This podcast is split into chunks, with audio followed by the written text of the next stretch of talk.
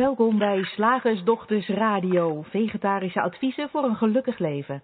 Linda Spaanbroek en Angela Mastwijk geven je een kijkje achter de toonbank van de menselijke ervaring. Hoe werkt het daar nu echt? Wij maken gehakt van ingewikkelde concepten en fileren met liefde ook jouw leven. Dat alles onder het motto geluk. Mag het een onsje meer zijn? Goedenavond luisteraars, hier is Linda en ook goedenavond Angela. Hey, hi allemaal. Uh, op deze voor jou wel heel speciale avond. Of heel oh, speciale dag. praat me er niet van. ik zit hier met een enorme ballon aan mijn, uh, aan mijn stoel gebonden. Ja. ja, Angela, even voor de luisteraars. Angela is vandaag uh, jarig. Ze is eindelijk net zo oud ik geworden. Uh, dus we houden in het midden welke leeftijd dat dan is. Um, maar, nou ja, gefeliciteerd natuurlijk. Hey, ja, dank je. En, wij hebben vandaag een, een speciale uitzending over het uh, verschijnen van de Nederlandse vertaling van het Relationship Handbook. Um, daarover zometeen meer. Het betekent wel dat we het vanavond uh, vooral, of eigenlijk ja, vooral bijna alleen zullen hebben over uh, relaties en dan heel specifiek partnerrelaties. Hè. Dit gaat echt over ja. de relatie tussen twee geliefden. In onze aankondiging, oh en, en als je daar vragen over hebt, Um, of misschien zelf met iets worstelt in je relatie, uh, geef alsjeblieft uh, je vraag of je dilemma aan ons door via het Q&A-vak op de pagina waar je nu uh, live naar ons luistert. Um, die beantwoorden we later in deze uitzending. En, um, ja, en eigenlijk, we hadden aangekondigd dat wij een speciale gast zouden hebben. Wij zouden de uitgeefster van de Nederlandse vertaling van dit boek bij ons in de uitzending hebben, maar helaas uh, kan ze er niet bij zijn. Gelukkig wel met een hele positieve reden. Haar dochtertje is uh, uh, eerder ter wereld gekomen dan ze had verwacht. maar dat betekent wel dat ze even met haar gedachten elders is. En daar hebben we natuurlijk alle begrip voor. Ik was er vorige week niet bij, omdat ik bijna niet kon praten vanwege het hoesten. Deze week is het beter, maar ik, ik vrees dat ik niet hoestvrij deze uitzending door kan komen. dus bij voorbaat excuses daarvoor.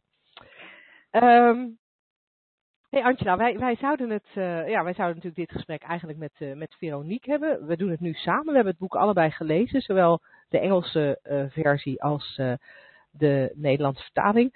Um, zou jij willen beginnen met een aftrap te doen waarom dit boek anders is dan, of wat dit boek anders maakt dan alle andere boeken die, die we kennen over relaties? Ik sprak laatst iemand die zei, ja, de Relationship Handbook, nee, dat hoef ik niet te lezen, want ik heb alles al gelezen wat er is op het gebied van relaties. ja, ja, inderdaad. De Relationship Handbook van George. Dat was een van de eerste boeken die ik las die uh, gebaseerd was op de Three Principles. En uh, het is al best een tijdje geleden geschreven. Ik, ik geloof een jaar of 25 uh, was het, het eerste boek, geloof ik, van de hand van George Pransky, een Amerikaanse psycholoog. En uh, die zelf een nogal vervelende relatie had met zijn, uh, met zijn echtgenote. Uh, terecht kwam bij Sidney Banks, de, de man die de Three Principles geformuleerd heeft. Waarna, zij, uh, ja, waarna beide ogen werden geopend voor hoe de menselijke ervaring in elkaar zat. En, en zij een tot op heden gezellige relatie hebben. Tenminste, zo ziet het er voor mij uit als ik, als ik ze samen wel eens uh, uh, zie op een ja, conferentie in Londen. Aan. Dat geeft ze ja. aan. ja, ja, het ziet er enorm gezellig uit. Helemaal, helemaal, helemaal leuk. Nou, en inmiddels zijn ze denk ik 47 jaar samen of zo. Of nou ja, iets in die, in die richting. Dat is ook maar. En uh, ja, dat boek is dus, is dus al een tijdje geleden geschreven. Maar toch is het anders dan ander. Het is eenvoud. Dat, dat is het eerste woord dat in me opkomt als ik aan dit, uh, aan dit boek denk. Het is zo helder uitgelegd hoe het zit en dat maakt, het maakt het allemaal zo simpel. En wat het anders maakt is ook dat er geen uh, uh, uitgebreide analyses in staan van, van het concept relatie. Er staat geen, je wordt niet aangemoedigd om, je, om problemen uit te praten. Er wordt niet ja, er worden eigenlijk eh, nou, min of meer niet echt tips en, en wenken gegeven om het goed te houden. Uh, er wordt vooral verwezen naar hoe je menselijke ervaring in elkaar zit. Wat wij ook proberen uh, uit te leggen in onze heel wekelijkse show. En welke, wat dat betekent, wat dat, wat dat inhoudt voor als je samen bent. En uh, voor de manier waarop je elkaar kijkt. En voor hoe je handelt als het uh, even er niet zo gezellig uitziet.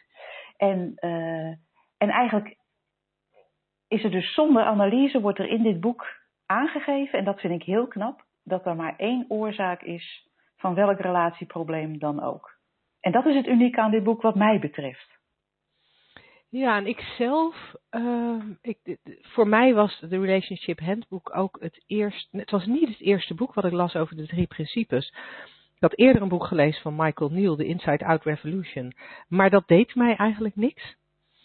Uh, er zijn mensen die het een briljant boek vinden en mij deed het niks. Ik vond een, een, analytisch, een analytische beschouwing. Ja, nee, het klopte wel. Maar verder gebeurde er niks met mij. En toen ik de Relationship Handbook las, uh, me helemaal niet bewust van de drie principes. Het was gewoon een boek dat ik aangeraden had gekregen van een vriendin, omdat mijn relatie, ik mijn relatie ervaarde als uh, onprettig. Uh, wat mij zo raakte aan dit boek, en dat is voor een deel ook wat jij aangaf, dat problemen, uh, dat je niks hoeft met problemen. Dat je geen diepe gesprekken hoeft te hebben over, nou ja, over, over een probleem. En met name ook dat je aan een relatie helemaal niet hard hoeft te werken. Wauw! En dat was voor mij wel een hele nieuwe, want dat wordt natuurlijk wel altijd overal gezegd. Een relatie is hard werken. En George geeft aan, nee, dat, dat, dat, nee, nee. Op het moment dat je het gevoel hebt dat je hard moet werken, ben je eigenlijk juist verkeerd bezig. Ja. en jij, jij gaf net aan, hè, van er is dus eigenlijk één onderliggend uh, ding. Um, kan je daar iets meer over vertellen? Ja, één onderliggende oorzaak. En dat is ook de reden waarom jij uh, zo uh, zegt van, dat je niet over problemen hoeft te praten. Want als je onderkent dat er maar één wortel is van, van welk probleem dan ook, heeft het weinig zin om daar een analyse op los te laten en daar eindeloos over te bomen. Mm. Uh, want ja, die oorzaak is uh, het feit dat wij uh, wel eens onzekere gedachten hebben als mens. Goh, je hebt wel eens onzekere gedachten. Dat geeft verder niks, maar die wordt gevoeld. En als je niet weet hoe het systeem in elkaar zit, hoe je als mens werkt, dan kan het zomaar zijn dat je die onzekere gedachten uh, serieus neemt. Dat je vervolgens in een lage gemoedstoestand bent en op dat moment denkt, ik ga hier, het hier toch eens met hem over hebben. Ja. ja. En dat is juist, ja, ja. Duidelijk. Hey. nee, dit is, dit, ik voel me echt zo vreselijk nu. En, uh, en, en dat, dat ligt natuurlijk aan iets wat hij doet, of iets wat hij juist niet doet. Of uh, uh, iets wat er scheef zit tussen ons. En ik ga het er nu over hebben, want nu, het kan niet langer zo. dat is, dat is ja. eigenlijk wat we normaal doen. En dit boek zegt, ja, kijk, de oorsprong daarvan is een onzekere gedachte die je toevallig hebt geloofd, waarna je gemoedstoestand uh, naar de kelder uh, dondert. En, en dan denk je dat het een goed idee is om te gaan zitten. Dit boek zegt, weet je, laat even die gedachte, weet, doe er maar even lekker niks mee. Maar als je nou zo toevallig weer eens, want het systeem werkt nu eenmaal zo dat je zo'n gedachte, als je hem niet zo serieus neemt, dat die ook weer verdwijnt. Dat je op een gegeven moment wel weer in een goede bui bent, in een, in een hogere gemoedstoestand. Kijk er dan nog eens naar. En vaak is waar je eerder naar keek gewoon verdwenen. Dan denk je, ja, pff, nou en, dan liggen die sokken daar. Boeien. Ja. Of je ziet in die hoge gemoedstoestand een makkelijke oplossing. Oh, maar wacht, als ik ze nooit meer opraap, dan zal die toch wel een keertje uh, zonder sokken komen te zitten en zelf actie ondernemen. Ik zeg maar wat, hè. Ja. Uh, maar, maar in ieder geval, dan is er altijd uh, duizenden manieren om een oplossing te zoeken voor als er daadwerkelijk nog iets is, is op te lossen. Maar vaak zie je dan het, het probleem wat je eerder zag in die lage gemoedstoestand, in, met die onzekere gedachten, zie je dan al niet eens meer. Nee, en, en, ja, en, en wat, ik, wat ik in het verlengde daarvan heel mooi vind van dit boek, is dat het ook uitlegt dat de gebruikelijke relatietherapie, uh, zoals het hier uh, beschreven wordt, ik gebruik even de termen uit het, uit het boek, dat gebruikelijke relatietherapeuten koppels vooral leren om, te, om, om, ja, om hoe ze moeten worstelen met hun problemen, in plaats van dat ze leren een nieuwe start te maken. En dat de, de, gebruikelijke relatietherapie ook een soort laag gemoedtherapie is in plaats van hoog gemoedtherapie. En wat ze daarmee bedoelen is, is hè, wat, jij, wat jij net al aangaf van op het moment dat je onzekere gedachten hebt, daalt je gemoedstoestand, kom je in een lager gemoed terecht, zoals uh, uh, het, is een, het is een Vlaamse vertaling, dus het, er zijn soms wat woorden die wij net, net even anders zouden zeggen. Maar hier wordt gesproken over, hè, kom je in een laag gemoed terecht uh, zit je gewoon minder lekker in je vel. Uh, en um, in, in gebruikelijke therapie wordt dat vervelende gevoel, uh, als je het niet hebt, wordt het vaak in de therapie opgewekt. in plaats van dat er juist gewerkt wordt aan een hoog gemoed aan een betere gemoedstoestand. Want vanuit die betere gemoedstoestand ziet het leven er sowieso florissanter uit. Zijn we creatiever? Zijn we geïnspireerder? Zien we makkelijker oplossingen uh, voor, voor dingen die we graag anders willen? Uh, maar die, dat hoge gemoed komt er in gebruikelijke therapie niet uit. Want nee, wat doen we in, in, in therapie? We gaan, we gaan het hebben over wat had hij dan gezegd? En hoe voelde jij je daarbij? Dus we gaan juist in, we zoomen juist in op. Zo, toen voelde je je zeker wel waardeloos. Ja, nee, dat snap ik. Dat je, nou, vertel haar ook eens hoe jij je voelde. Dan gaat hij aan haar vertellen hoe hij zich voelde. Waardoor zij zich natuurlijk ook onmiddellijk minder prettig gaat voelen. Want ja, weet je, of ze gaat, want, want dat raakt haar onzekerheid weer. En dan zitten ze fijn in die kamer van de therapeut eigenlijk elkaar onzekerder te maken. En vanuit die onzekerheid ook weer laag gemoed gedachten aan de ander te vertellen. En dan zit je eigenlijk gewoon echt, echt elkaar de diepte in te pingpongen. daarvan, daarvan wordt in dit boek gezegd, dat moet je absoluut niet doen. Als je al over problemen wil praten, jij zei het net ook Angela, ik ga het gewoon nog even herhalen, want ik vind het echt een punt dat we moeten maken. Als je, als je in een laag gemoed zit, heb het dan nergens over. Ga een boswandeling maken, zet de tv aan, neem een kop chocolademelk, weet ik veel wat je graag wil doen, maar begin niet tegen je partner over wat hij of zij fout doet. Als er iets is waarvan je echt over een wat langere periode denkt, dat zit me gewoon niet lekker. Het feit dat hij altijd te laat thuis is voor het eten, of dat zij altijd uh, s'avonds hoofdpijn heeft, we, ik, het, het zit me niet lekker. Ik wil het heel graag anders prima om het daarover te hebben. Maar, zegt George Prensky, doe dat op het moment dat jij goed in je vel zit en je ook ziet dat je partner goed in haar, zijn of haar vel zit. Ga dan het gesprek met elkaar aan in die hoge gemoedstoestand. Want in een hoge gemoedstoestand is er sprake van veel meer zekere gedachten en veel minder onzekere gedachten. Dus dat praat heel anders met elkaar. En als je, zet desnoods een kookwekker, want als je merkt dat met een minuut of tien de gemoedstoestand van één van de twee toch daalt, dan stop je alsnog met het gesprek. Ook al is er geen oplossing, ook al is het niet, uh, is het niet afgerond, je stopt met het gesprek en je wacht met het hervatten van het gesprek tot het moment dat jullie beiden weer in een goede, hoge gemoedstoestand zitten. Nou, en dat vind ik een, ja, dat vind ik zo'n andere kijk op relatieproblemen dan we gewend zijn. En het is, het werkt zo briljant. Ja, dat is echt super. En wat jij eh, in een van je eerste zinnen meldde jij ook een nieuwe start maken. En daar wil ik ook nog even op terugkomen. Uh, want, want, inderdaad, als je ziet dat, uh, dat je in elk moment met elke nieuwe gedachte die opkomt een nieuwe realiteit creëert, is de mogelijkheid voor die nieuwe start er ook in elk moment. Ook een nieuwe start in hoe je je partner ziet.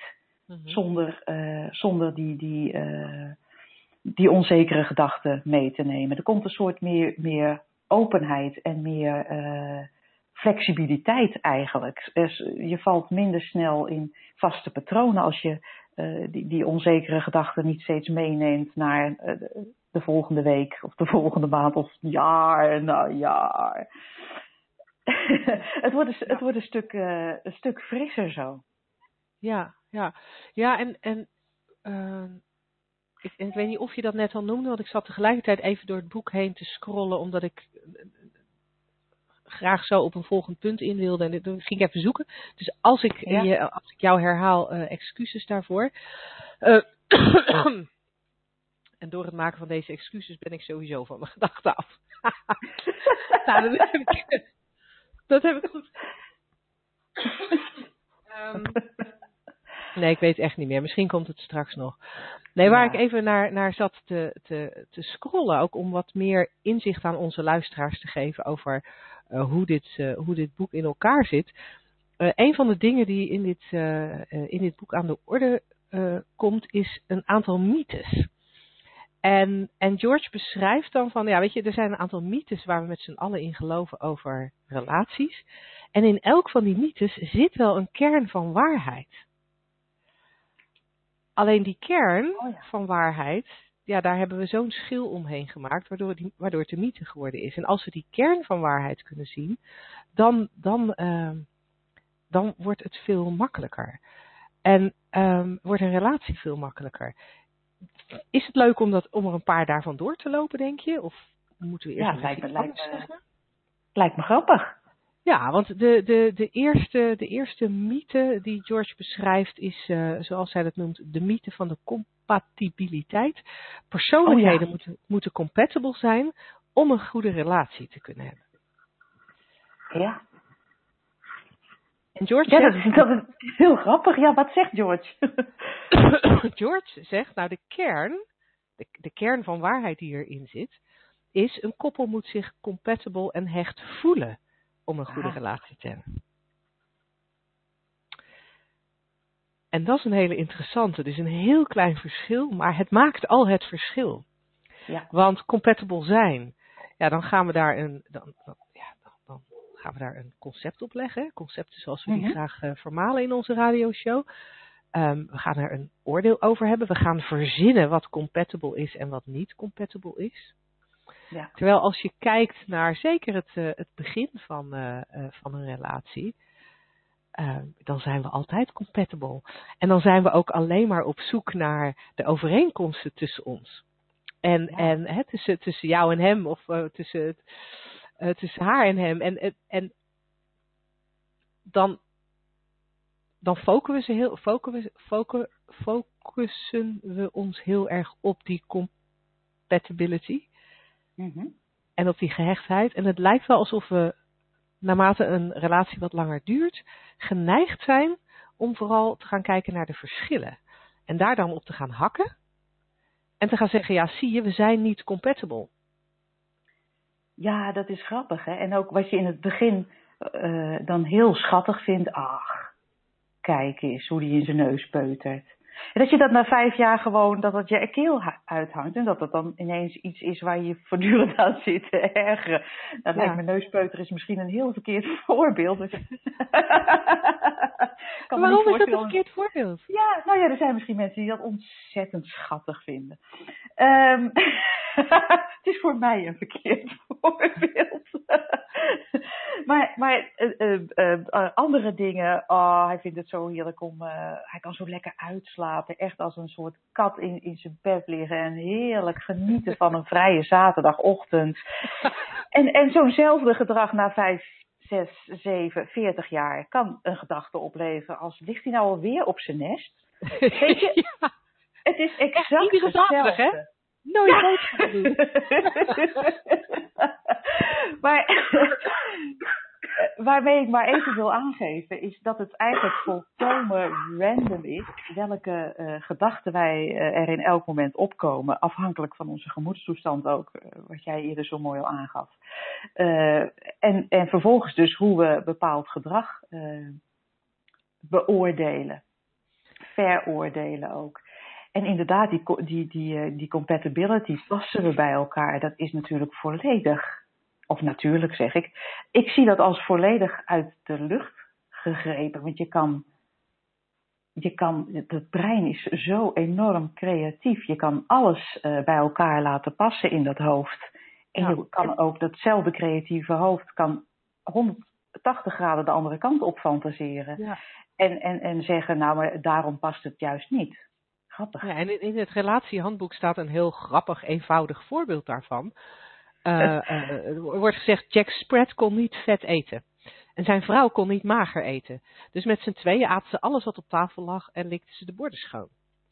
En dan wordt er nog bij aangegeven van ja, de voedingsvoorkeuren van deze twee mensen, daar kan je op twee manieren naar kijken. Vanuit één bepaald pers perspectief zou mevrouw Spratt kunnen zeggen, ja, Jack en ik passen helemaal niet bij elkaar. We kunnen zelfs geen e-, overeenkomst vinden over welk vlees we willen kopen bij de slager. En vanuit een ander perspectief zou ze kunnen zeggen, Jack en ik vullen elkaar perfect aan. Om het even welk stuk vlees bevredigt ons allebei. Ja. En, en we, we vullen elkaar aan of we passen niet bij elkaar. Zijn dan twee verschillende conclusies over precies dezelfde situatie. Twee kanten van precies dezelfde munt. Ja, het is ongelooflijk hè? Hoe, we, hoe we dat gewoon, hoe we alles bij elkaar kunnen, kunnen fantaseren en het Ja. passend, passend kunnen maken in onze gemoedstoestand van het moment. Ja, ja, ja. En, en, en, en wat ik dan mooi vind, dat George hier nog op aanvult, dat wanneer je die verschillen tussen elkaar met respect kunt, kunt bekijken, dan, dan, ja, dan, dan zien die partners elkaar ook als complementair. Maar als je diezelfde verschillen vanuit een gevoel van ontevredenheid bekijkt, dan passen die partners ineens niet bij elkaar. En dan kom je natuurlijk op dat aspect waar wij in deze radioshow eigenlijk steeds weer op terugkomen. Het is maar net welke gedachte je gelooft.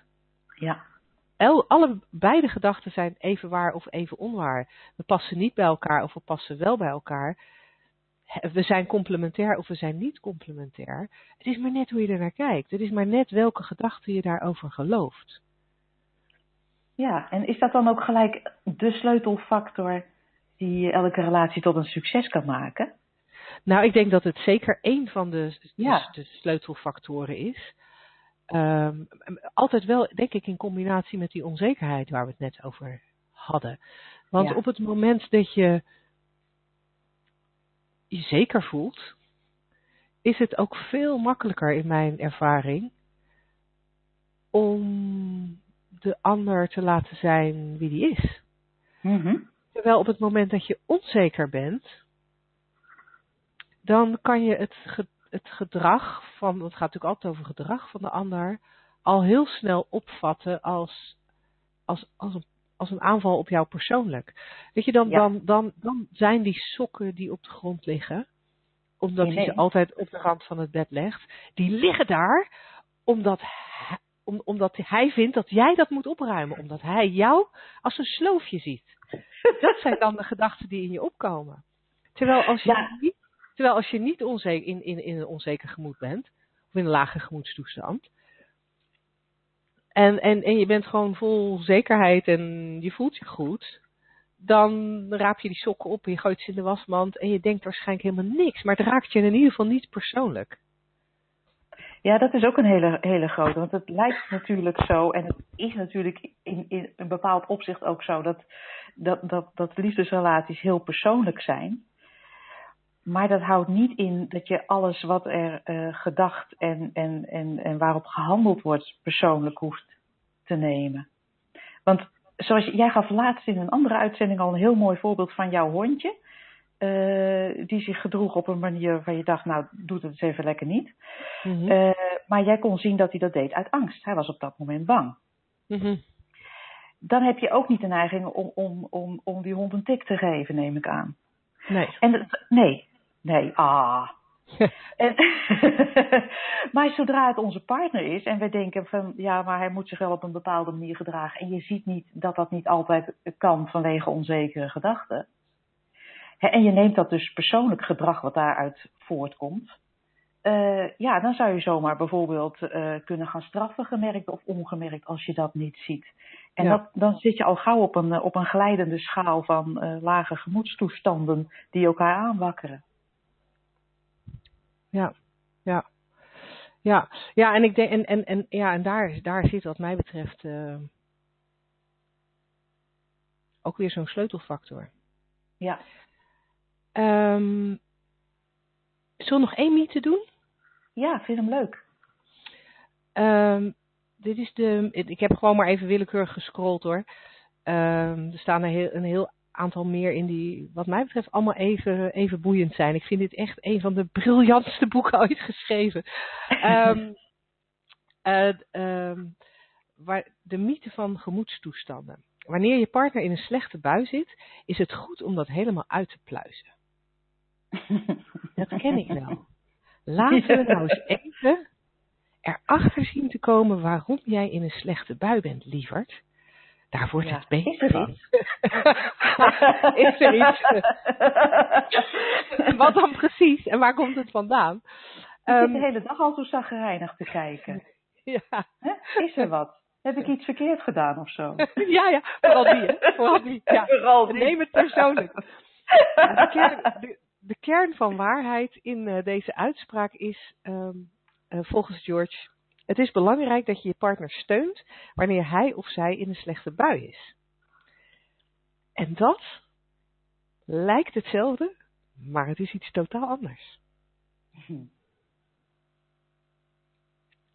Wil jij daar de voorzet over doen of praat ik gewoon door? Want ik merk Ja, dat ik er praat. heel enthousiast hierover ben. Ja, nee, praat verder.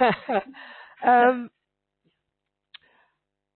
op het moment dat je, dat, dat je met iemand in zijn slecht, laten we even zijn zeggen, hè, omdat eh, Ja.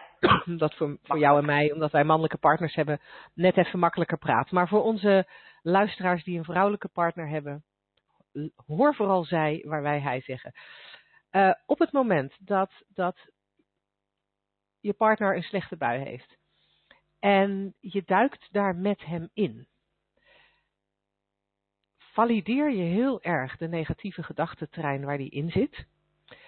Eh, zeker als je een beetje therapeutisch achter gaat zitten doen, hè, waar zeker wij vrouwen wel toe geneigd zijn. Ehm, behalve als we natuurlijk, zoals Angela en ik, zo heerlijk 3P zijn. Je ziet zeker het aureooltje wel boven mijn hoofd. Ehm, maar de, de, dan ga je het uitpluizen vanuit een gevoel van ik wil hem helpen. Maar wat je eigenlijk Hmm. doet, is, is, is, is die laaggemoedtherapie, waar we het eerder al over hadden. Je duikt, je duikt mee in de negatieve gedachtentrein. Hij heeft heel veel gedachten in zijn hoofd, die volgens hem allemaal waar zijn. Dat kan gaan over een gemiste bonus. Het kan gaan over een conflict op het werk. Het kan gaan over een ruzie die die, die met jullie kind heeft gehad. Whatever.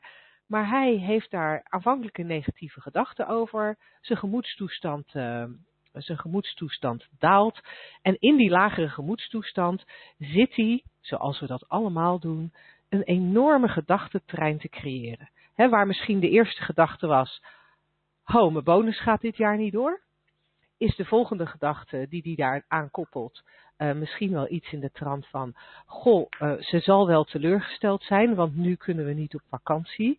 Ik ben toch eigenlijk ook niet echt een goede man, want ik kan, ik kan eigenlijk niet zo goed voor mijn gezin zorgen als ik graag zou willen als dit nog een aantal keren gebeurt en als we nog een andere financiële tegenvaller krijgen, dan eh, moeten we misschien het huis wel verkopen. In ieder geval kunnen we de wintersportvakantie dan wel vergeten. Da, da, da, da, da, da, da, da. In zijn, in zijn low state of mind, in zijn lage gemoedstoestand, koppelt hij onzekere gedachten aan onzekere gedachten.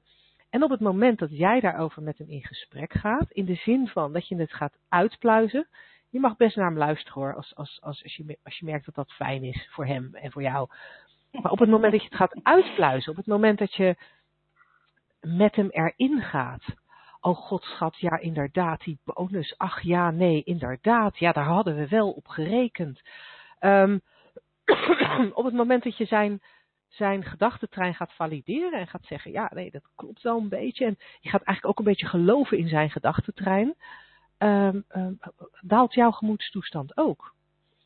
Eh, al, al, al misschien omdat jij er zelf onzeker van wordt. Misschien omdat je het gewoon zo moeilijk vindt om hem te zien worstelen, dat jij daardoor eh, onzeker wordt omdat je dat niet kan voorkomen. Hoe dat precies gaat is eigenlijk niet zo belangrijk, maar het feit is dat je door het uitpluizen al snel iets heel realistisch maakt van, van, van dingen die eigenlijk alleen maar gedachten in zijn hoofd waren, die geen van alle waar zijn. Want gedachten zijn in essentie nooit waar.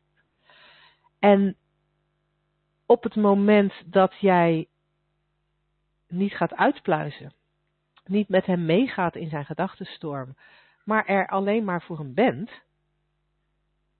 door lekker naast hem te gaan zitten, hem een knuffel te geven, door hem de afstandsbediening in zijn handen te duwen, als dat is wat hij fijn vindt in zo'n situatie, door niet aan zijn kop te zeuren over het feit dat de afwas nog gedaan moet worden, wat het ook is waar jij hem mee kunt steunen om, om, om ja, gewoon maar eventjes deze, zeg maar, ruimte te hebben om deze gedachtenstorm te laten woeden, dan gaat het vanzelf weer over en dan, en dan blijft de verbinding tussen jullie gewoon bestaan.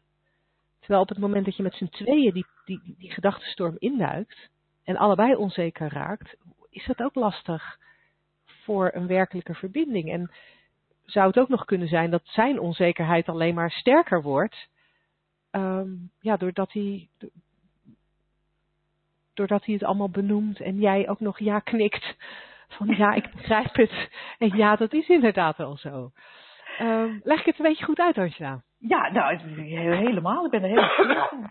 Ja, en ik denk ook als je, eh, zoals jij zegt, meegaat in die gedachtentrein, dat je inderdaad uh, uh, dat, dat bevestigt. En ook nog als extra bevestigt dat die gemoedstoestand van hem, die, die, die gevoelens, van buitenaf komen. Hè? Dus, dus dat inderdaad het niet halen van die bonus de oorzaak is van deze gevoelens. Dat, dat, ga je daarmee, door daarover te praten, door iets uh, buiten je aan te wijzen als oorzaak van gevoelens, uh, bevestig je ook nog eens dat eigenlijk het, dat het systeem andersom werkt. Hè, in plaats van binnen naar buiten, van buiten ja. naar binnen. Dus dat ja. is nog een, nog een extra aspect. En ehm, en jij zei ook al even van, uh, als, als je dat dus niet doet en gewoon even de ruimte geeft of de ruimte bent, hoe je dat ook wil noemen, en aanwezig bent en kopje koffie aaien over de bol, um, dan houd je ook de verbinding. En ik denk dat we dan ook bij het laatste punt zijn uh, aanbeland van wat wij vandaag wilden bespreken. Want zo houd je verbinding, dat zou een, zomaar een ander woord kunnen zijn voor intimiteit. Mm -hmm. uh, want je maakt het daarmee voor elkaar, als je dit een beetje inzicht hierin krijgt. Van, oh, wacht even, onzekere gedachten, ik doe even niks. Of, oh, nu heeft die andere een onzekere gedachte, laat maar eventjes. En uh, dat, dat, is gewoon uh, het menselijk systeem wat aan het werk is, maakt niks uit. Uh, ja, dan maak je het gewoon veel makkelijker om, om verder te gaan in. En ja, ik ben een beetje mijn draad kwijt, moet ik zeggen. Maar om de verbinding te, te, te behouden. Ja, ja. Ja, want je, want je was, je was inderdaad over dat, dat ons laatste punt over een, eh, een andere kijk op intimiteit en, uh, en commitment. Ja. Um, zullen we hier nog even over doorpraten? Want um, ja, we hadden van tevoren afgesproken dat we vragen zouden beantwoorden, maar er is maar één hele korte vraag binnengekomen uh, en dat is de vraag, waar is dit boek uh, te koop? Ik heb net even gekeken en ik kan het op bol.com nog niet vinden. Uh, maar ik, daar zal het ongetwijfeld binnenkort wel verschijnen. Op Amazon is het wel al te verkrijgen. Zowel in de Kindle versie als gewoon als, als paperback. als je in Amazon even googelt op Prensky, P-R-A-N-S-K-Y dan krijg je een rijtje boeken uh, van twee heren Prensky. Um, de Engelstalige versie van het relatiehandboek staat dan bovenaan. En als je een klein beetje naar beneden scrolt, zie je ook de Nederlandstalige versie van het relatiehandboek. Dus dat is op dit moment in ieder geval de snelste manier om hem te bestellen. Um, maar we hebben nog wel een uh, verrassing voor onze luisteraars. Ja. ja. um, Veronique Pivetta, hè, die eigenlijk onze speciale gast zou zijn vandaag, de uitgeefster van dit boek, heeft uh, of stelt één exemplaar beschikbaar voor een van onze luisteraars. Uh, en we hebben met haar afgesproken um, dat uh, we. Eigenlijk, nee, laat ik het zo zeggen. Het leek mij leuk. Ik heb dat nog niet eens met Angela besproken. Um, maar het leek mij leuk om ook onze podcastluisteraars de gelegenheid te geven om in aanmerking te komen voor dit boek, om mee te loten naar dit boek. Um, dus als ja. je dit, dit boek zou willen winnen uh, en dat opgestuurd zou willen krijgen van, uh, van Veronique zelf, stuur dan uiterlijk 31 oktober je naam en je adresgegevens aan ons door. met één zinnetje erbij waarom jij denkt dat, dat, dat jij de winnaar zou moeten zijn van dit relatiehandboek. En dan, zullen wij in de lo dan zullen wij op 1 november een, een, een gelukkige winnaar kiezen. En uh, nou, wie dat is hoor je volgende week. En uh, Veronique zal dan uh, het boek toesturen. Dus nogmaals, ook voor onze, zowel de live luisteraars als de podcast luisteraars, stuur voor 1 november, dus uiterlijk 31 oktober, een mail naar welkom@deslagersdochters.nl met je naam, je adresgegevens en één zinnetje over waarom jij het boek wil winnen. Ja, um, leuk. Ik ben heel benieuwd, want we hebben inmiddels heel, heel veel podcastluisteraars, hè? Ja, ja, ja. Dus, dat, dus vandaar dat het ook, ook wel extra uh, leuk is om, uh, vond ik zelf. En sorry dat ik dit niet van tevoren met je heb, uh, heb besproken. Dat vond ik wel heel erg leuk om, om die ook daarbij te betrekken. Maar dat was ja. zo'n spur in de Goed moment. idee. idee. Um, ja, even kijken hoor. Die, want ik zit even in het boek te scrollen op zoek naar dat stukje over, over intimiteit en commitment. Ik moet je zeggen dat ik. Mag ik eerst even iets zeggen over commitment? Want dat vond ik namelijk ja, zo leuk. Ik heb dat een tijdje terug, uh, een tijdje terug nog eventjes uh, in, in de Engelstalige versie nagelezen. Omdat ik vrij recent een nieuwe relatie heb. En dan is commitment ineens toch wel weer een beetje een dingetje. Tenminste, voor mij was het een dingetje. Ik dacht daarover na.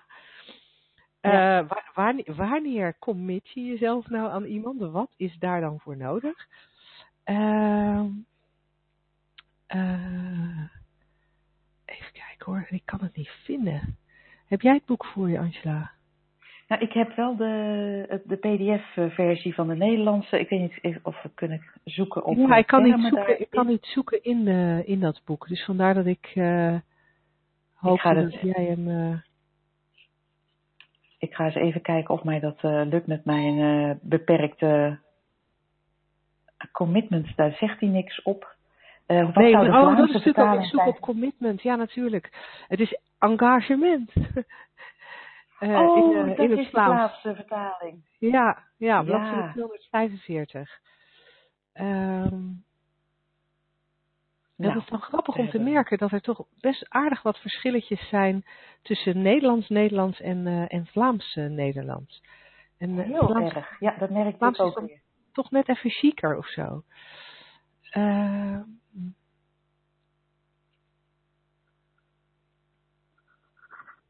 ja, want intimiteit staat daar vlak, Ja, wordt eh, een, eh, vlak voor. ja, ik, ik, ehm, wat, wat ik wat ik er leuk aan vind aan dat eh, hoofdstuk over commitment, en het staat, het is een van de laatste hoofdstukken van het boek, is dat eh, Mhm. de vraag eigenlijk gesteld wordt van ja, is, is, is commitment niet een vorm van zelfopoffering? Ehm, of is commitment juist heel erg zelfzuchtig, zoals het hier vertaald is? Ehm, en George geeft aan, eh, die begint met een, met een quote van, natuurlijk ben ik, eh, he- heb ik commitment. Ik gebruik even het Engelse woord. Natuurlijk eh, eh, ben ik Ja. gecommit. Ik zal absoluut in deze relatie bl- blijven, tot het mij beter lijkt om eruit te stappen. En dan zit je natuurlijk Mhm. gelijk al in een hele rare padstelling. Want ja, ja, ik verbind mij aan, aan jou. Tot er iets gebeurt waardoor ik denk wegwezen. En, eh, en, en dat vond ik een hele, een hele eh, fascinerende. En George geeft dan ook aan van eh, engagement en verbondenheid variëren naar gelang onze mate van mentale betrokkenheid varieert. Hoe meer betrokken we zijn, hoe groter ons vermogen tot engagement, dus verbinding, commitment. En volledige betrokkenheid werkt eigenlijk het beste voor iedereen. Mhm. Nou, en wat is er, wat zorgt dan weer voor die beperking van die, van die mentale betrokkenheid? Tada! Onzekerheid. Een onzekere gedachte. Ja, wanneer we bezorgdheden, angsten en twijfels aandacht geven, zijn we te afgeleid en kunnen we eigenlijk niet volledig betrokken zijn, want we houden ons in. Ja. En hij geeft ook aan dat, dat, dat veel van de, van de mensen waar hij mee werkt, eh, hè, waar, waar hij in het, in het verleden deze andere vorm van relatietherapie mee heeft gedaan. Misschien moet je het zelfs dan geen therapie noemen, maar relatiecoaching of zo. Ja. Ehm, dat, dat veel van hun eh, klanten of cliënten ehm, ehm, commitment soms zien, in, in het slechtste geval zien als zelfopoffering en in het beste geval zien als een soort compromis. Maar, zegt George, in feite is commitment heel erg zelfzuchtig. Want als je begrijpt wat het echt is, dan zie je de voordelen daarvan.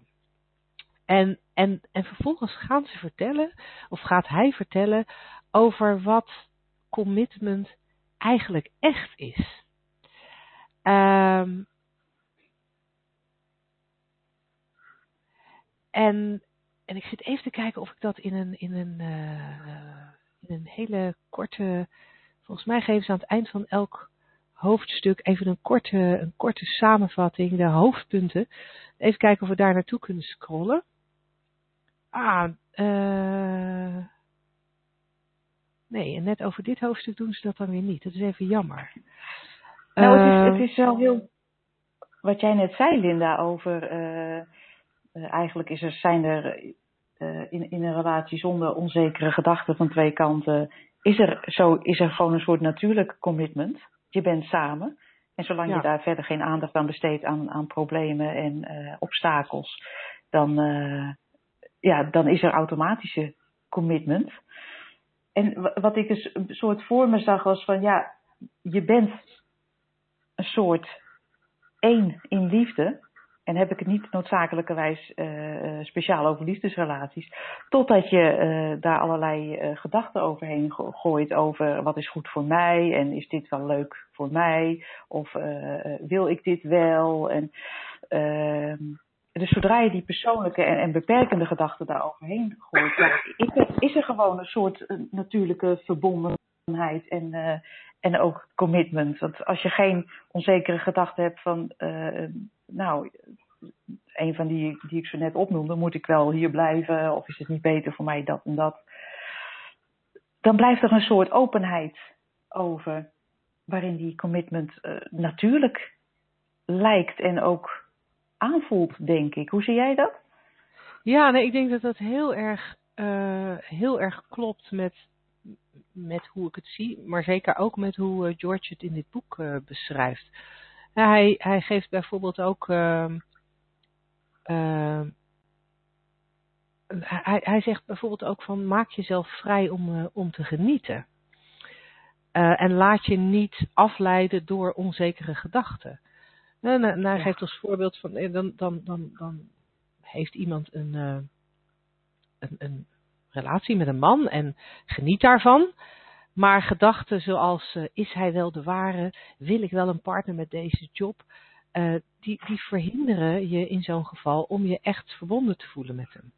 En eh, voor getrouwde stellen eh, zijn dat misschien herinneringen over ruzies of bekommernissen, zoals het hier beschreven staat, bekommernissen rond bepaalde problemen, die die, die, die, die die onzekerheid voeden en het van elkaar genieten weerhouden. En George zegt, spring er met beide voeten in. Weiger om onzekere gedachten die je zouden kunnen weerhouden om van die ander te genieten aandacht te geven. Wuif ze gewoon weg. Ja. Daardoor, is, daardoor is je niveau van betrokkenheid hoog genoeg om een spiraal van toenemende verbondenheid in beweging te zetten. Want je bent meer ontspannen, waardoor je je meer verbonden voelt. Dus geniet je meer van de andere persoon. Dus ontspan je meer, waardoor je meer verbonden voelt. Da da da da da en zo verder. En Het klinkt toch helemaal heerlijk? Dat klinkt helemaal, helemaal, helemaal, helemaal heerlijk. dus een soort, een soort advies wat te geven is, ga er gewoon echt, echt 100% in. en, Ja. eh, en zie twijfels en, twijfels en obstakels en, en problemen als, als ruis op de lijn die die je verder gewoon niet nodig hebt. Nee, nee, nee. En, en realiseer je dat, dat, dat, dat die ruis puur onzekerheid is. En dat die onzekerheid jou gespannen maakt. En dat je, als je gespannen bent, nou eenmaal minder kan genieten. Ik vind het, dat laatste wat ik net even voorlas, dat, dat is een, een hele mooie een visieuze cirkel die, die, die, die je kan Ja. helpen om een spiraal naar boven te creëren. En het kan je helpen een spiraal naar beneden te creëren. En ik vind het bevrijdende van dit boek dat je altijd in elk moment de keuze hebt om te kiezen voor de spiraal naar boven. Ja, dat is, heel, dat is een heel fijn idee. En wat ik dan vaak, of vaak wat ik dan wel eens hoor, is ja, maar eh, dan ben ik niet realistisch. En dat vind ik heel grappig. Want dan denk ik, ja, wat is realistisch? Eh, hoe wordt die realiteit gecreëerd? Dat is maar net eh, welke gedachte je gelooft, inderdaad. Dus alles kan realistisch zijn. Ja, want, want hoe bedoelen mensen dat dan? Wat, wat, wat... Nou, ik, ik krijg dan altijd, eh, ehm, als ik daar eh, verder naar vraag, eh, dan krijg ik wel eens terug. Ja, maar het problemen horen er toch ook gewoon bij. Dat is onderdeel van het leven. En je moet, hè, dat is ook goed, want je moet vechten en, en dingen overwinnen samen. En dan kom je en af en toe flink knallen is ook goed. Dan kom je weer fris uit of sterk uit de strijd. Nou, dat soort dingen, dat, dat wordt gezien als, eh, als realistisch. Oké. Ja, ja. Nou ja, wij, wij, wij hebben geloof ik, wij leven op dit moment in ieder geval in een andere realiteit. Ja, een, een hele fijne ook. Nou, het is echt gewoon briljant om geen ruzie te maken. Het is echt zo lekker. Ehm hey, ik, ehm, zullen we overgaan naar, het, eh, naar, naar wat normaal gesproken het vierde onderdeel van onze uitzending is, maar voor vandaag eh, het tweede onderdeel. ik, vind het, ja, ik vind het bijna jammer, maar laten we het doen. hey, we kunnen gewoon hierop doorgaan, hè? nou, ik denk dat eigenlijk Oh, sorry, woensdag gehaktdag.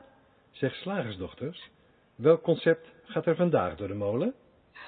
Wat wou je zeggen, Angela? nou, maakt niks uit. Ik, ik, er zit dus een klein vertragingje op de, op de lijn. Hè? Dat is eh, grappig. We krijgen trouwens al de eerste mail binnen van iemand die, eh, die graag eh, in aanmerking wil komen voor het relatiehandboek. Hartstikke nou, super. Ja, nee, ik zei het, het concept wat wij op, de, op de plank hebben staan om in de gehaktmolen te gooien, heeft eigenlijk ook wel betrekking op hetzelfde onderwerp. Want dat is, Ja. je moet elkaar blijven verrassen. Ja. ja. Denk erom. Ja, en, en wat, Ja. Ik het, wat, ik het, wat ik het grappige vind. Ik vind hem heel grappig. Want als je hem oppervlakkig bekijkt, hè, dan gaat. eh, ehm, eh, je moet elkaar blijven verrassen. Dat wordt dan een beetje een dingetje. Van, eh, ja, als je dan tien jaar samen bent, ja, waar, waar kan ik hem dan nog mee verrassen? Moet ik dan een rood BH'tje aantrekken vandaag? Omdat ik dat anders nooit draag? Of. Ik weet niet, moet ik ineens iets heel anders voor hem koken, zodat hij verrast is? Dat zit heel erg in, in, in, in, in, in, in dat soort uiterlijke, uiterlijke dingen. Ehm, waarbij je nou, natuurlijk de discussie kan hebben eh, of het wel fijn is om verrast te worden. Die wil ik graag even voor jou laten liggen. Want wat mij, wat mij in gedachten schoot, is het, het is, het is, je moet elkaar wel blijven verrassen. Het is, het is echt zo'n onzin. Want het is ook zo'n cliché. het is zo cliché, want op het moment dat je, dat je echt herkent dat je je realiteit creëert door je gedachten, met je gedachten. Dat het een samenspel is van die universele levensenergie, jouw gedachten, bewustzijn, die samen jouw realiteit creëren. Dan, dan ga je ook meer en meer zien dat je een ander eigenlijk nooit helemaal kent. Nee. Dat je nooit weet wie de ander is. Ja, je kan je onwijs verbonden voelen. Je kan onwijs veel liefde voor iemand voelen. Enorm van elkaar genieten. En tegelijkertijd ken je elkaar nooit helemaal. En als je dat weet. En als je het ook niet invult. Hè, want je kunt heel makkelijk invullen. Mijn man is zo. Ja. Mijn man doet altijd X. Mijn man Ja. doet nooit Y. Je kunt dat heel erg conceptualiseren voor jezelf. Vastzetten in een hokje. En als dat je enige focus is, ja, ja dan, dan is die man weinig verrassend. als je kunt zien dat je hem eigenlijk nooit kent, ook niet als je 40 jaar samen bent, dan doet hij automatisch dingen. Of zegt hij automatisch dingen. Of gebeuren er automatisch dingen waarvan je denkt, huh, verrassend. Ja, inderdaad. Want het, het lijkt wel alsof uh, uh, op het moment dat je inziet dat je je eigen uh, ervaring van die ander creëert. En dat dat dus in elk moment verschillend kan zijn. Maar dat je inderdaad niet rechtstreeks die ander ervaart. En dus ook niet 100% kunt kennen. Leuke zin. Dan, dan ontstaat er een soort openheid. Waarin die ander ook de gelegenheid uh, krijgt om, uh, ja, ik wou zeggen anders dan anders te zijn, maar in elk moment fris tevoorschijn te komen. Ja. Als ja. je begrijpt wat ik bedoel. Dan heb ik het oh, niet over het nee, lang. Wat niet komt daar weer een leuke, komt daar weer een leuke frisse man thuis.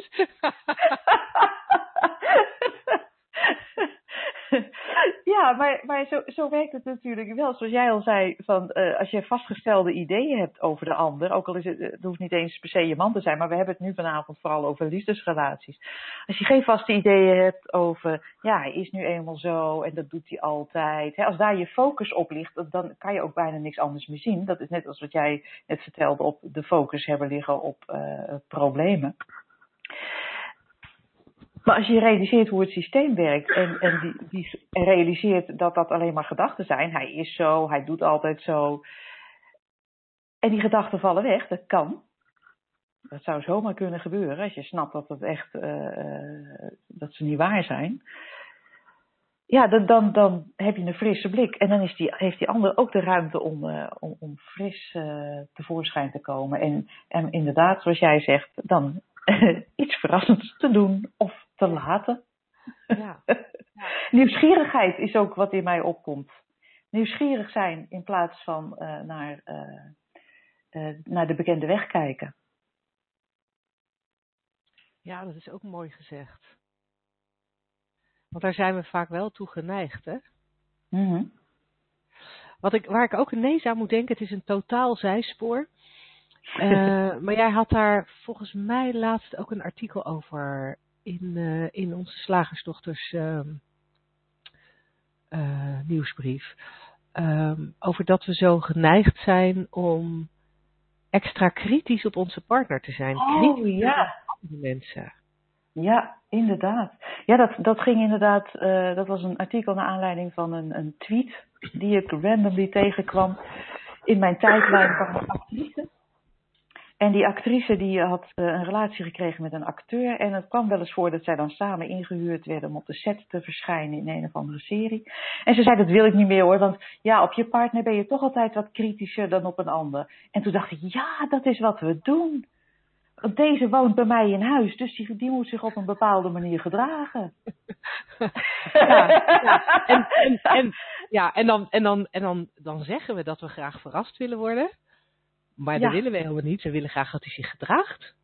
Zoals we van tevoren bedacht hadden. Zoals ons plaatje in ons hoofd is. Ja, ja en dan kan iemand, uh, in, in de, want, het is heel grappig, dat heeft ook te maken natuurlijk met persoonlijk nemen.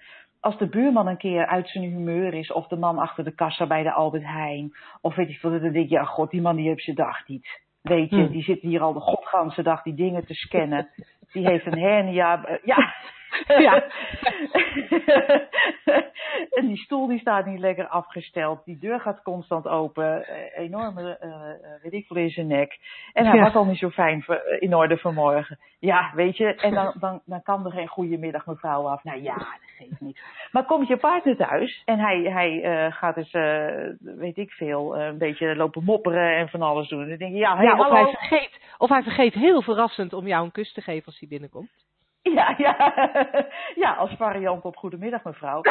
nou, dat, dat is lekker. Hij ziet me niet eens meer staan. En uh, nou, dan kan je daar een heel persoonlijk verhaal van in je hoofd gaan maken. En hoe hij dan dat wel moet doen. Want jouw aandacht moet geven, ook al heeft hij een kutdag gehad. Oh, excusez mo. uh, we zijn dus inderdaad een soort strenger uh, voor onze partners dan, dan, dan voor willekeurige voorbijgangers.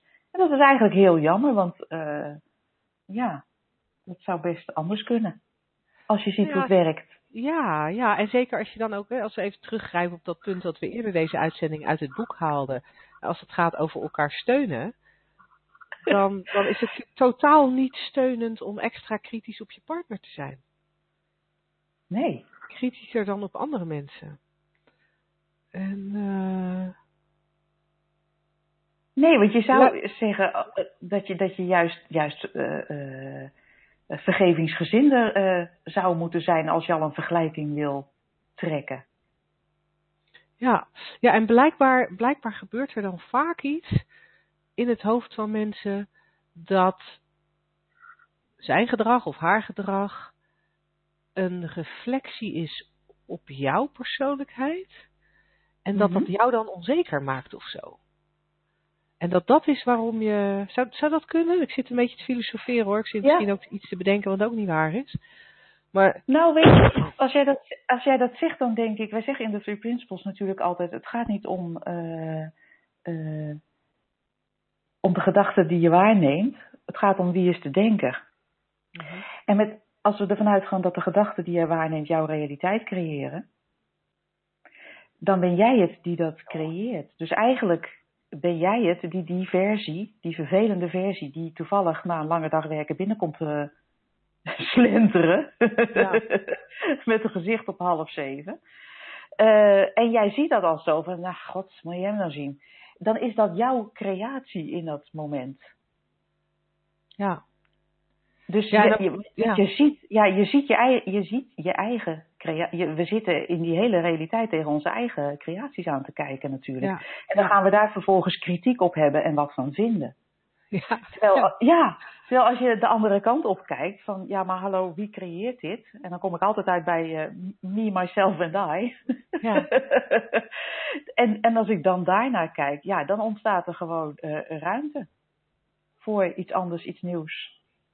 Ja, ja en, en, en, dan, en dan is er ook veel meer ruimte voor een woord wat ik eh, mij ook meen te herinneren uit het Relationship Handbook, compassie. Ja, Dan kan je compassie hebben voor het feit dat hij, nou ja, met, met, met, in, in, een, eh, in jouw ogen nare bui, bui thuiskomt.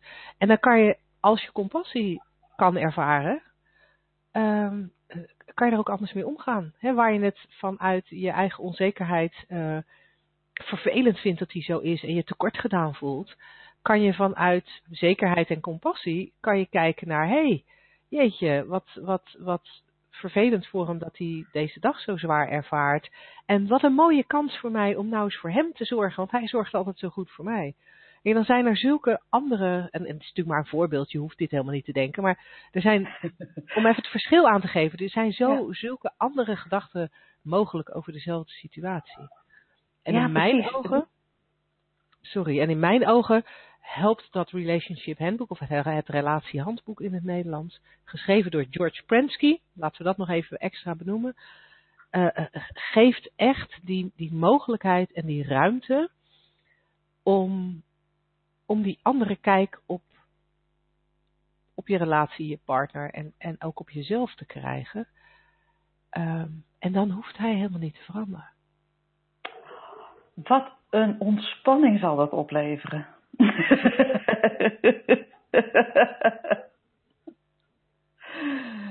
Nou, Ja, Ja. sorry? Nee, het is, het is goed. Het is goed. Stel jij maar voor.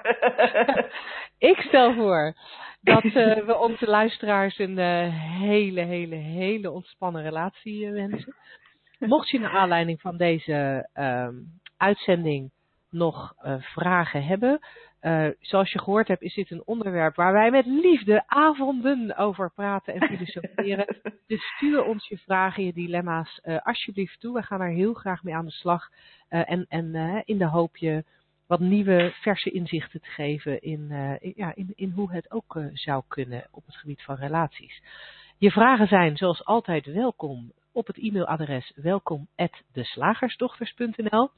En zoals eerder gezegd, deze uitzending, eh, als je eh, graag in aanmerking wil komen voor dat cadeau-exemplaar van het relatiehandboek, eh, stuur dan uiterlijk 31 oktober 2016 een mail ook weer naar welkom@deslagersdochters.nl met je naam, adresgegevens en een zinnetje waarin je uitlegt waarom jij in aanmerking moet komen voor dit boek.